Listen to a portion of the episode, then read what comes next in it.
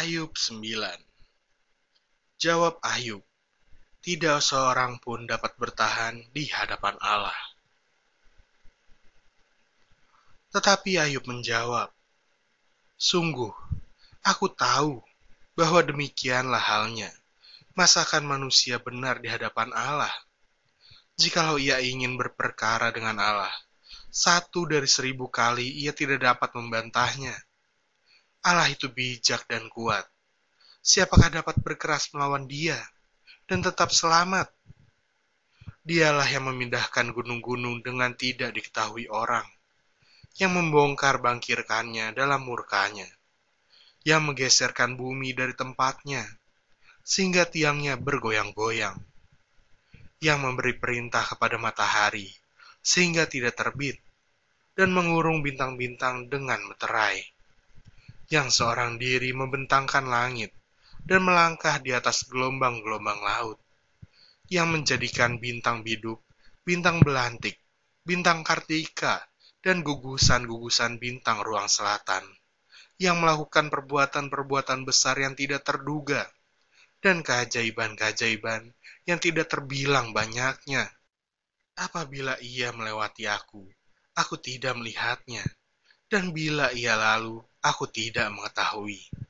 Apabila ia merampas, siapa akan menghalanginya? Siapa akan menegurnya? Apa yang kau lakukan? Allah tidak menahani murkanya. Di bawah kuasanya para pembantu raha pembungkuk.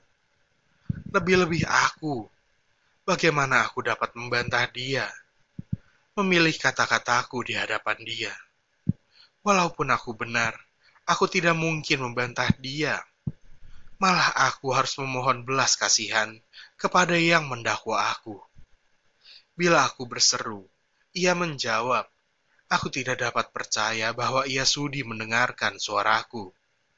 Dialah yang meremukan aku dalam angin ribut, yang memperbanyak lukaku dengan tidak semena-mena, yang tidak membiarkan aku bernafas, tetapi mengenyangkan aku dengan kepahitan jika mengenai kekuatan tenaga, dialah yang mempunyai.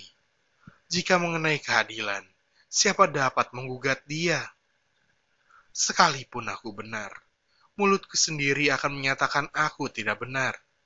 Sekalipun aku tidak bersalah, ia akan menyatakan aku bersalah. Aku tidak bersalah. Aku tidak pedulikan diriku. Aku tidak hiraukan hidupku. Semuanya itu sama saja. Itulah sebabnya aku berkata, yang tidak bersalah dan yang bersalah, kedua-duanya dibinasakannya.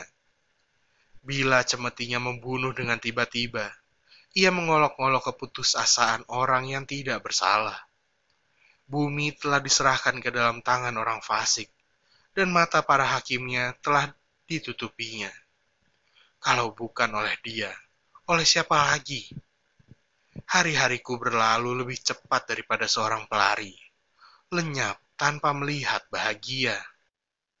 Meluncur lewat laksana perahu dari pandan, seperti Raja Wali yang menyambar mangsanya.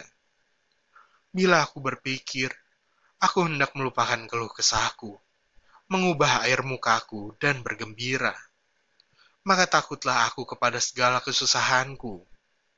Aku tahu bahwa engkau tidak akan menganggap aku tidak bersalah. Aku dinyatakan bersalah. Apa gunanya aku menyusahkan diri dengan sia-sia?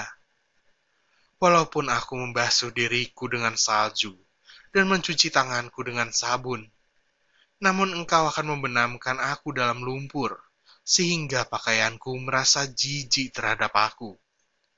Karena dia bukan manusia seperti aku, sehingga aku dapat menjawabnya Mari bersama-sama menghadap pengadilan.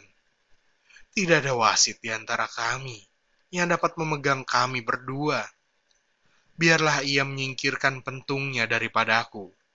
Jangan aku ditimpa kegentaran terhadap dia.